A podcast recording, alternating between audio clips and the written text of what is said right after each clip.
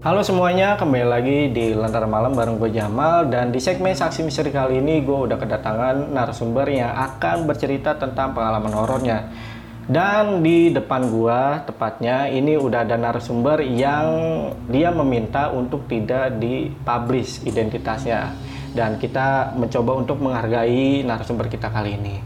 Tapi kita langsung aja sapa narasumber kita kali ini dengan nama samarannya yaitu Mei. Mei, apa kabar Mei? Oh baik. Thank you udah datang di Lentera Malam buat cerita pengalaman misis lo ya. Oke, kita langsung masuk aja ke kisi-kisi ceritanya. Jadi Mei ini akan bercerita tentang pengalaman pribadinya pada saat dia memakai jenglot. Dan Mei, lu boleh kasih sedikit kisi-kisi ceritanya, Mei? Uh, jadi gue bakal ceritain pengalaman pribadi gue saat gue memakai jenglot ini. Gitu. Dan banyak hal-hal mistis yang gue alamin setelah gue memakai jenglot ini untuk kepentingan pribadi gue. Oke, jadi itu sedikit kisi-kisi ceritanya. Dan buat teman-teman, uh, ini video menurut gue spesial banget karena kita udah mendatangkan narasumber yang yang tadi sempat dibahas sama dia kalau dia adalah pemakai jenglot. Dulunya ya, tapi sekarang udah tobat. Ya udah, daripada kelamaan openingnya, sebelum uh, dengerin Mei cerita, seperti biasa teman-teman saksin dulu yang berikut ini.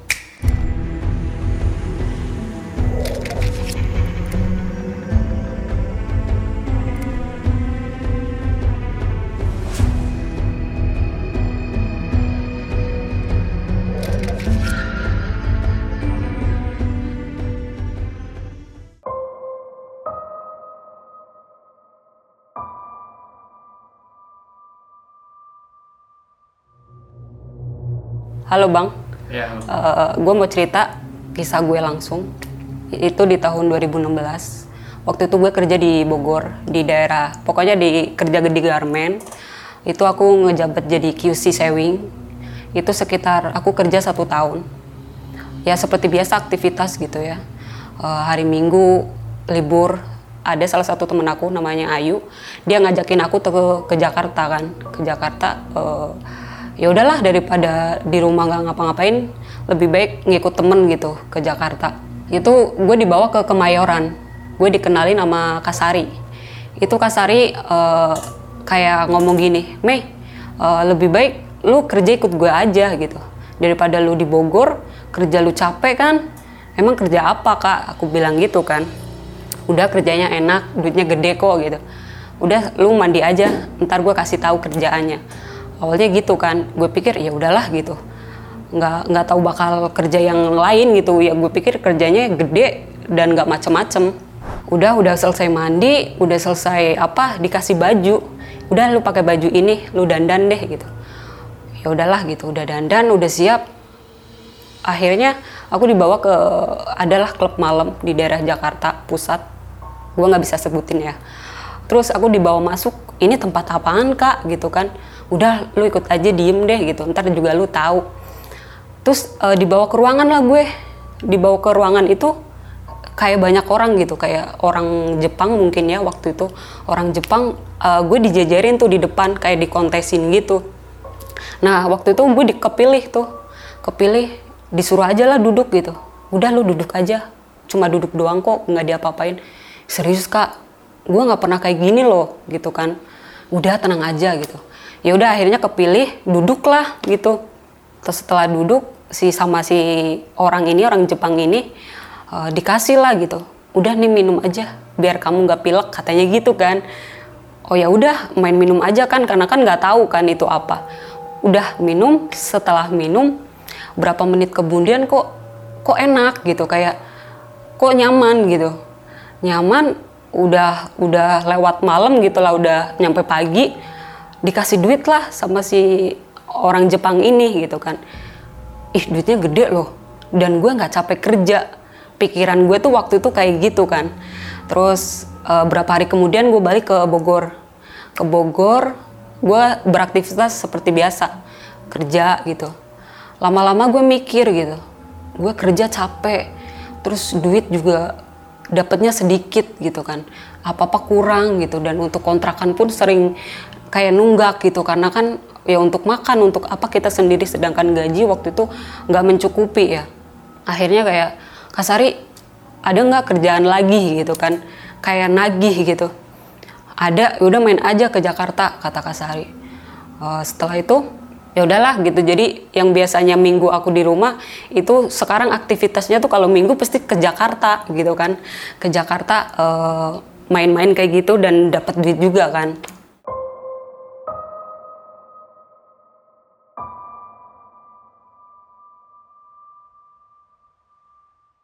lama kelamaan kok kok enak ya gitu. Udahlah gue udah nggak mau kerja lagi di garmen gitu. Gue udah capek gitu gue udah capek hidup susah gue udah nggak mau kekurangan lagi. Akhirnya gue memilih jalan terjun ke dunia malam. Uh, dari situ berjalan ya seperti biasa gitu. Dipanggil di booking dapat duit lagi di booking dapat duit lagi. Seterusnya seterusnya sampai di titik di mana gue tuh semakin rakus. Kayak uh, eh, gue mau menginginkan yang lebih yang lebih banyak dan gue nggak harus capek. Uh, terus uh, ada temen namanya Nadia. Kalau lu mau cepet lu datang aja ke dukun ini. Kalau gue manggilnya dia ayah gitu kan. Ke ke ayah gitu. Emang apaan gitu? Udah ntar gue ajakin gitu. Biar lu dapat kerja cepet terus uh, lu kepilih-pilih mulu kan gitu kan. Biar saingan lu tuh nggak nggak uh, banyak lah yang ada milih lu terus gitu. Oh oke okay deh gitu. Terus gue ke ke si ayah ini ditanya gitu kamu mau apa? gitu. Saya mau kalau kontes itu kepilih terus gitu. Bisa nggak? gitu. Hmm, kalau mau kamu mau nggak pakai susuk? Awalnya gitu. Pakai susuk susuk apa? gitu. Susuk emas kan bentuknya kecil banget nggak terlalu besar. Ya udah deh gitu. Aku pasang di jidat di pipi sama di dagu. Itu awal-awal bagus gitu kan. Dan susuk ini tuh harus dicas ya. Harus dicas dan pantangan aku tuh nggak boleh uh, makan daging burung. Itu uh, aku cas terus gitu setiap paling se sebulan sekali sebulan sekali lah paling lama itu dan setiap si susuk ini minta dicas pasti kayak ngemimpin aku gitu kayak ngemimpin gue untuk minta dicas gitu itu sosoknya tuh kayak nyai kayak pakai baju keraton dan ada kayak mahkotanya gitu. Makin lama kayaknya kurang deh kalau pakai susuk. Gue mau lebih deh gitu. Kayaknya eh, ya memang banyak ya kalau pakai susuk. Gue akuin duitnya banyak gitu dan orang-orang tuh selalu milih gue gitu. Ya udahlah akhirnya gue datang lagi ke si ayah ini. Ke si ayah ini ya ada nggak sih yang lebih lebih bagus daripada susuk? Kayaknya susuk ini kayaknya udah nggak nggak bekerja lagi deh di badan aku gitu. Terus si ayah ini bilang gitu udah pakai itu aja dulu gitu. Terus uh, ada pasien ayah namanya Kavera Kavera ini ngomong gitu kalau kamu mau mah mending pakai jenglot aja. Dulu kakak juga pakai jenglot gitu kan. Masa sih? gitu. Emang syaratnya kayak gimana? gitu. Udah kamu bilang aja ke ayah kata kata Kavera ini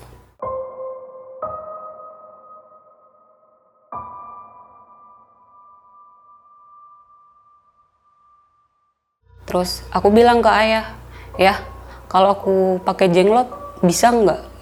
Maksudnya aku pegang gitu. Kamu kayaknya nggak bisa deh Mei. Mungkin sekarang kamu masih labil gitu.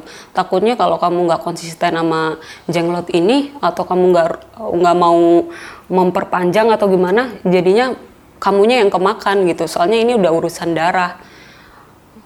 Ya udah deh gitu. Maksudnya terus syaratnya kayak gimana gitu kan? Syaratnya itu gue harus beli darah darah manusia dan itu harus golongan O. Kalau nggak golongan O dia nggak akan mau. Setelah itu udahlah gitu. Ada ritualnya gitu. Ya udah besok malam Jumat e, minggu depan kamu datang aja ke sini gitu siapin apa pun gitu. Tapi gimana cara ngedapetin darah gitu kan? Terus si ayah bilang udah kalau darah mah itu gampang aja yang penting kamu transfer uangnya nanti darah mah biarin anak buah ayah aja yang beli gitu. Udahlah dapat darah. Malam Jumatnya aku datang lagi. Aku aku disuruh mandi kembang dulu. Terus makan bunga kantil dua pasang cowok sama cewek aku makan. Aku mandi kan. Udah terus uh, disuruh keluar dikasih darahnya ya nggak tahu ya itu ritual ayah ya. Jadi ayah yang ngomong sama si jenglot ini gitu. Aku taunya aku yang ngasih darah gitu. Nah setelah itu ayah bilang gitu udah udah udah terikat kok sama kamu dia udah udah nurut siapa bosnya gitu kan. Jadi kamu kerja kerja aja gitu. Ya udah makin lama tuh makin meningkat gitu duit yang gue dapetin yang biasanya dapat segini gue bisa tiga kali lipat gitu dan tamu-tamu tuh yang tadinya gak mau milih itu tuh selalu milih. Dan kalau tamu nggak mau milih itu pasti kalau orang lihat itu kayak si jenglot ini tuh ngejenggut si tamu untuk lu pilih dia lu pilih dia. Kayak gitu.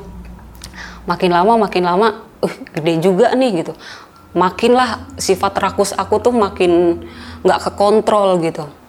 Sampai akhirnya ketagihan lah gitu nggak mau lepas gitu dari si jenglot ini dan kalau si jenglot lapar atau dia minta darah lagi pasti akan ada tanda gitu.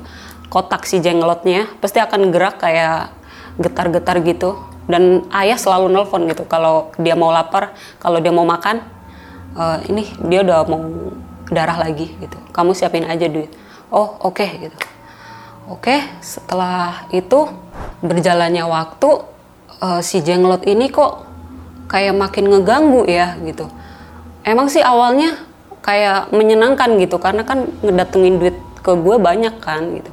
Tapi makin lama makin lama gue pakai ini kok kayak makin ada ke guanya ada kayak gangguan gitu loh bang. Kayak misalkan si jenglot ini nih suka datang ke mimpi dan itu kayak suka ngegerayangin gitu. Kayak ngegerayangin kayak megang-megang paha terus kayak megangin yang badan yang sensitif gitu. Awal-awal tuh kok gue mimpinya kayak gini terus? Dan si jenglot ini tuh mimpinya tuh kalau ngedatengin bukan wujud dia jadi kayak wujud orang-orang ganteng gitu yang kayak Eh, ganteng lah gitu bukan wujud aslinya gitu. Makin lama makin lama kok ngeganggu ya gitu. Kayak nggak enak gitu. Dan makin ke sini bukan cuma di mimpi jadi kayak langsung ke ke fisik gitu nggak di mimpi lagi.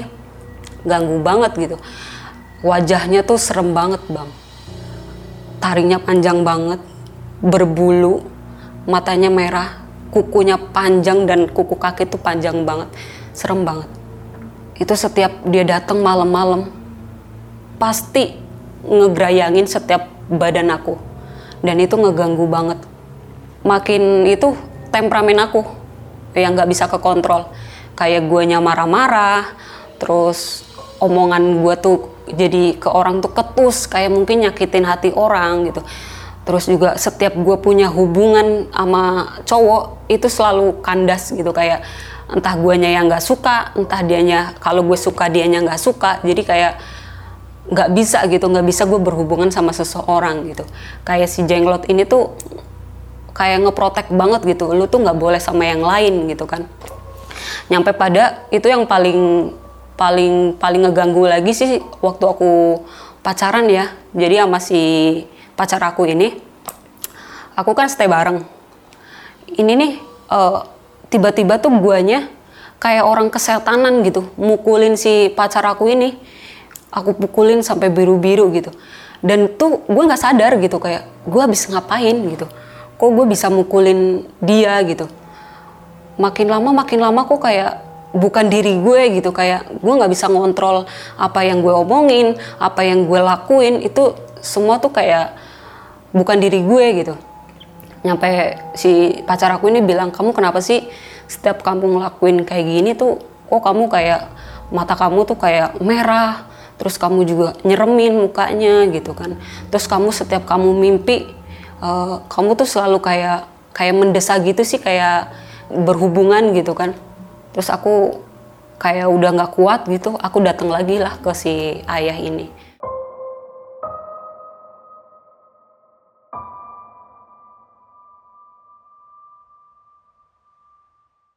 Ya kok si si jenglot ini makin lama makin kayak ngeganggu aku ya gitu.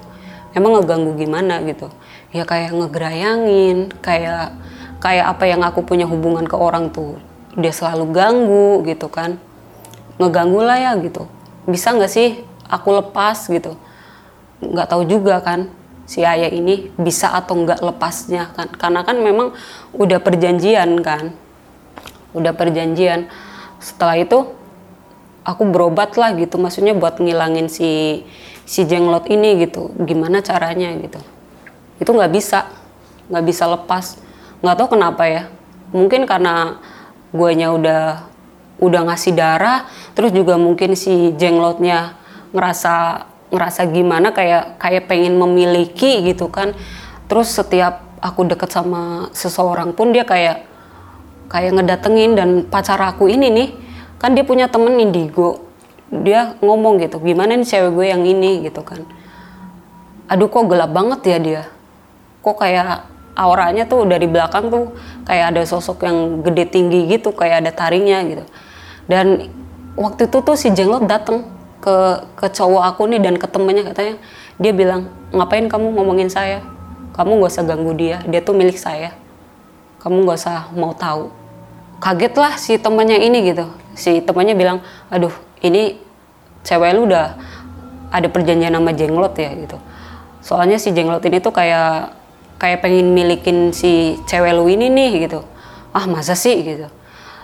Emang iya sih gitu. Cowok eh cewek gue tuh suka marah-marah nggak jelas terus mukulin gue tanpa sebab gitu. Kayak orang kesurupan gitu gitu.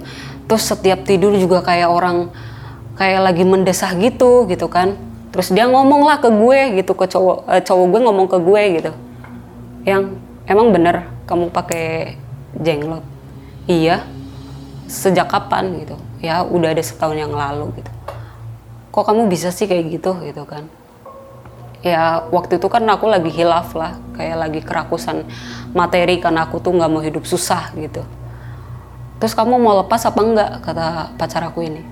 Ya mau karena kan ini ngeganggu banget. Kamu aja tahu kan gitu. Aku bilang gitu kan. Ya udah kamu balik lagi deh ke si ayah itu gitu.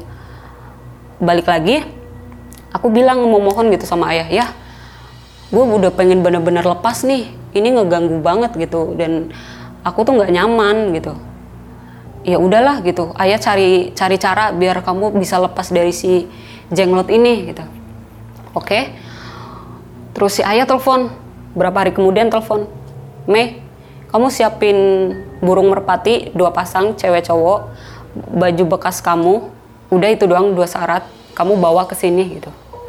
Aku bawa malam sekitar jam 12, jam 12 malam Jumat, Jumat Kliwon kalau nggak salah ya, Jumat Kliwon. E, malam-malam aku diritualin itu, aku dimandiin dulu seperti biasa kayak mandi kembang terus aku dibawa dan dibawa keluar gitu ke tempat yang sepi ya sepi. Terus kamu uh, si ayah ini bilang Mei kamu lepasin burung yang cowok ayah lepasin burung yang cewek. Itu beda tempat ya. Jadi ngelepasinya tuh uh, di tempat yang rada jauh gitu. Oh oke okay, gitu. Terus udah dilepasin kamu buang bajunya di sungai. Udah di udah dibuang udah selesai ritual itu nggak langsung hilang. Nggak nggak nggak pure langsung nggak ada gangguan. Itu masih ada gangguan. Masih ada gangguan ya mungkin masih suka ngegrayang tapi uh, temperamen aku tuh udah udah sedikit berkurang gitu nggak nggak segalak dulu nggak se nggak sejahat itu ngomongnya gitu sampai udah berlalu udah dua tahun berlalu dari ritual itu udah nggak ada gangguan sih mungkin datang ke mimpi tapi nggak bisa megang atau nggak bisa ngegrayangin gitu.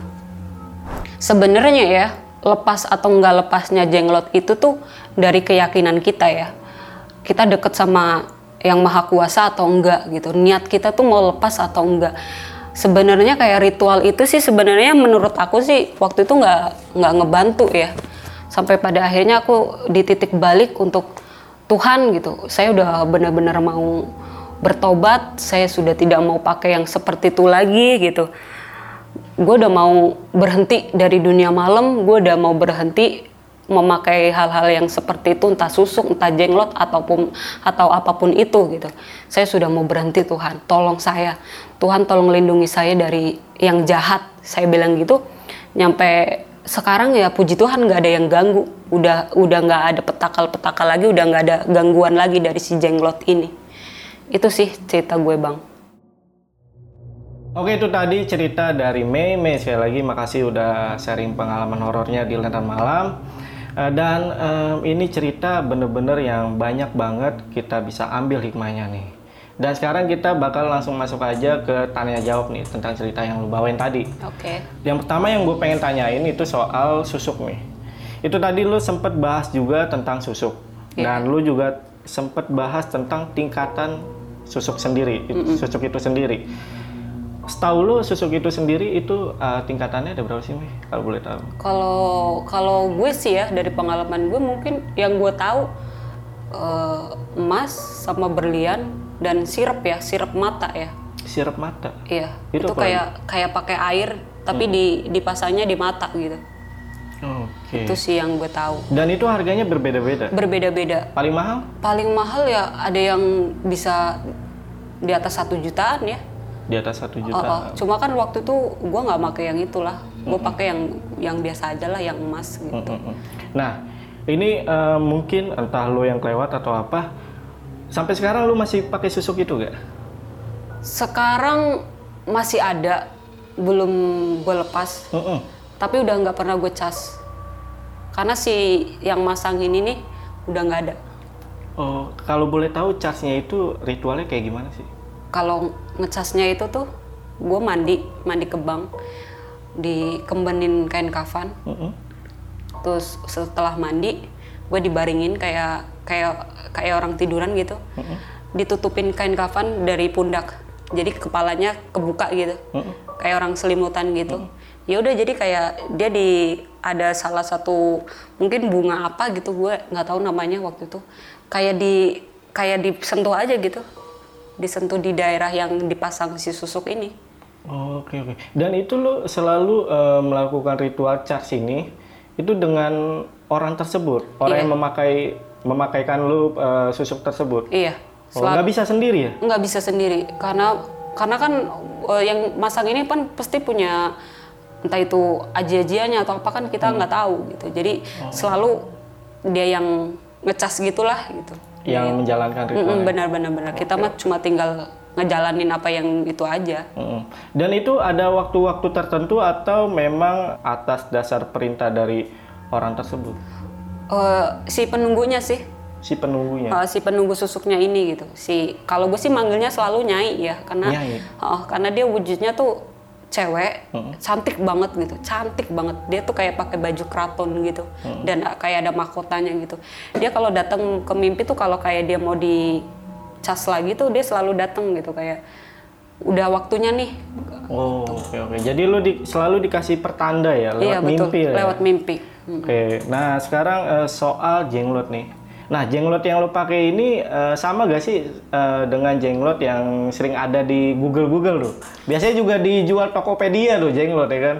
sama sih cuma mungkin bentuknya ada yang besar ada yang kecil cuma gue waktu itu pakainya yang kecil gitu wujudnya kayak manusia gitu kayak ya kayak mayat hidup tapi yang udah kering dan skalanya tuh kecil gitu ada rambutnya ada taringnya ada kukunya yang panjang gitu Hmm, Oke oke. Sama. Dan itu memang kalau misalkan lu pengen punya jenglot itu memang harus ada ritualnya juga ya? Nggak asal beli gitu? ya pasti ada perjanjian harus nggak mungkin karena kan itu udah nggak main-main gitu apalagi kalau udah urusan darah ya Hmm, hmm. udah pasti ada ritualnya Oke oke. nggak nggak nggak. Eh gue mau ini. Gue mau pakai jenglot terus pakai aja dibawa nggak juga. Nggak juga ya? nggak juga. Nah, kan si jenglot ini kecil ya. Pada saat temen indigo lo yang ketemu dengan jenglot tersebut, itu dia bentuknya masih kecil apa gede deh? nggak.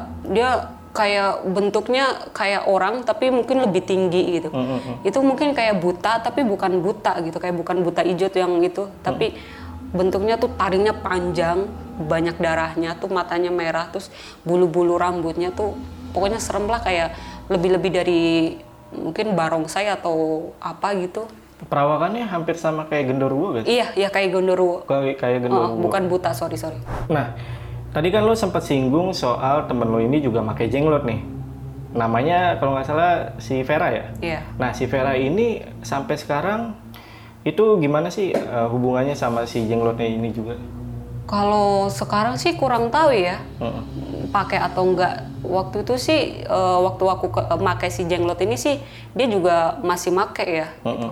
kalau sekarang kurang tahu karena kan sekarang dia udah ada di penjara karena ada kasus lain jadi Oh. kurang tahu Apakah dia juga sama gak ngalamin hal-hal yang lu alamin juga?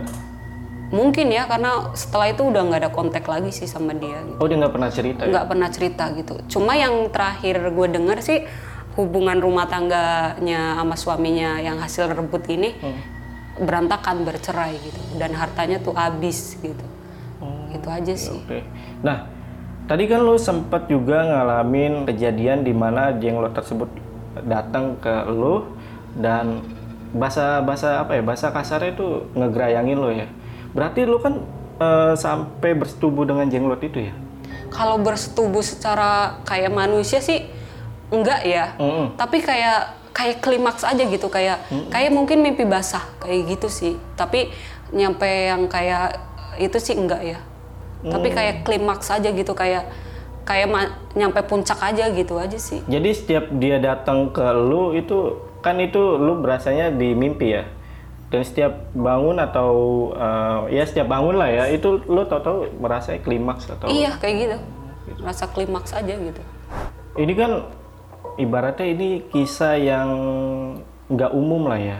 Dan gue juga baru tahu kalau kehidupan dunia malam, apalagi dengan para pekerja dunia malam gitu ya, itu menggunakan hal-hal mistis kayak gini ya.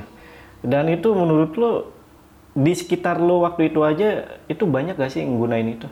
banyak Banyak. banyak tapi bukan jenglot ya mungkin Susuk ya, mungkin susuk ya karena kalau jenglot jarang ya mungkin ya gitu Hmm. jarang gitu paling ya susuk aja sih Susuk gitu. ya? susuk ya yang namanya dunia malam persaingan ya gitu Hmm.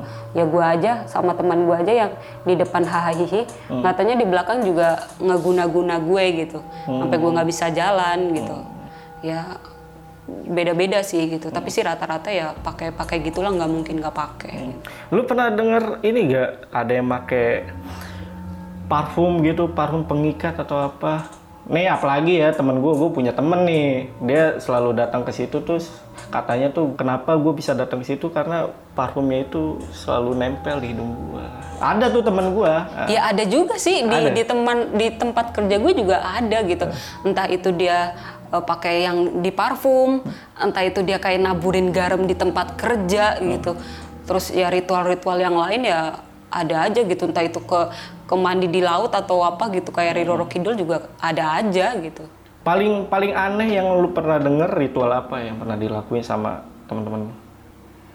Kayaknya nggak ada deh, Nggak ada ya. nggak ada deh. Paling kayak paling kayak biasa-biasa aja ya ya paling eh, itunya ya susuk susuk susuk aja sih Susuk aja iya ya. kan nggak jarang gitu yang yang itu nggak maksudnya kalau gue kan makainya nggak nanggung gitu udah kayak ah susuk mah udah biasa gitu Nah ini sebelum gue tutup ini mungkin eh, jadi pertanyaan terakhir gue nih Mei. Kabar terakhir si ayah atau si dukun ini gimana Mei? kabarnya sih masih ada ya sampai sekarang Masih ada? masih ada makin kaya malah Makin kaya? Ha-ha, karena yang yang minta bantuan dia tuh bukan cuma dari eh, wanita-wanita malam ya, tapi kayak untuk eh, pejabat gitu banyak Oh itu banyak. banyak dan mobilnya tuh berjejer. Oh, Oke. oke. Masih ada kok masih ada. Dan itu di Jakarta ya? Dan itu di Jakarta. Di Jakarta ya? Oke. Jadi tapi kita nggak bisa kasih tahu lokasinya di mana karena takutnya teman-teman juga pengen. Jadi jangan. Jadi intinya tuh cerita kali ini tuh banyak banget hikmah yang kita ambil, pelajaran yang kita ambil bahwa segala sesuatunya janganlah memakai hal-hal gaib lah untuk mencapai sesuatu. Kita percaya aja sama takdir Tuhan dan selalu berdoa ya Iya, agar benar. bisa mencapai tujuan kita itu. Bener-bener karena segala sesuatunya ya berbalik lagi ke diri lu. Lu mau lu mau dapet yang instan itu nggak akan berakhir bahagia. Yang ada lu makin kosong, makin kosong dan makin kurang gitu. Lu nggak akan bisa bersyukur. Oh, Oke, Itu sih. itu tadi sedikit pesan dari uh, Mei. Mei sekali lagi thank you udah datang di Lentera Malam. Kapan-kapan kalau kita undang lagi jangan kapok ya. Oh siap. Oke, ya udah. Mungkin untuk video kali ini cukup. Uh, gua Mei Lentera Malam pamit. Bye.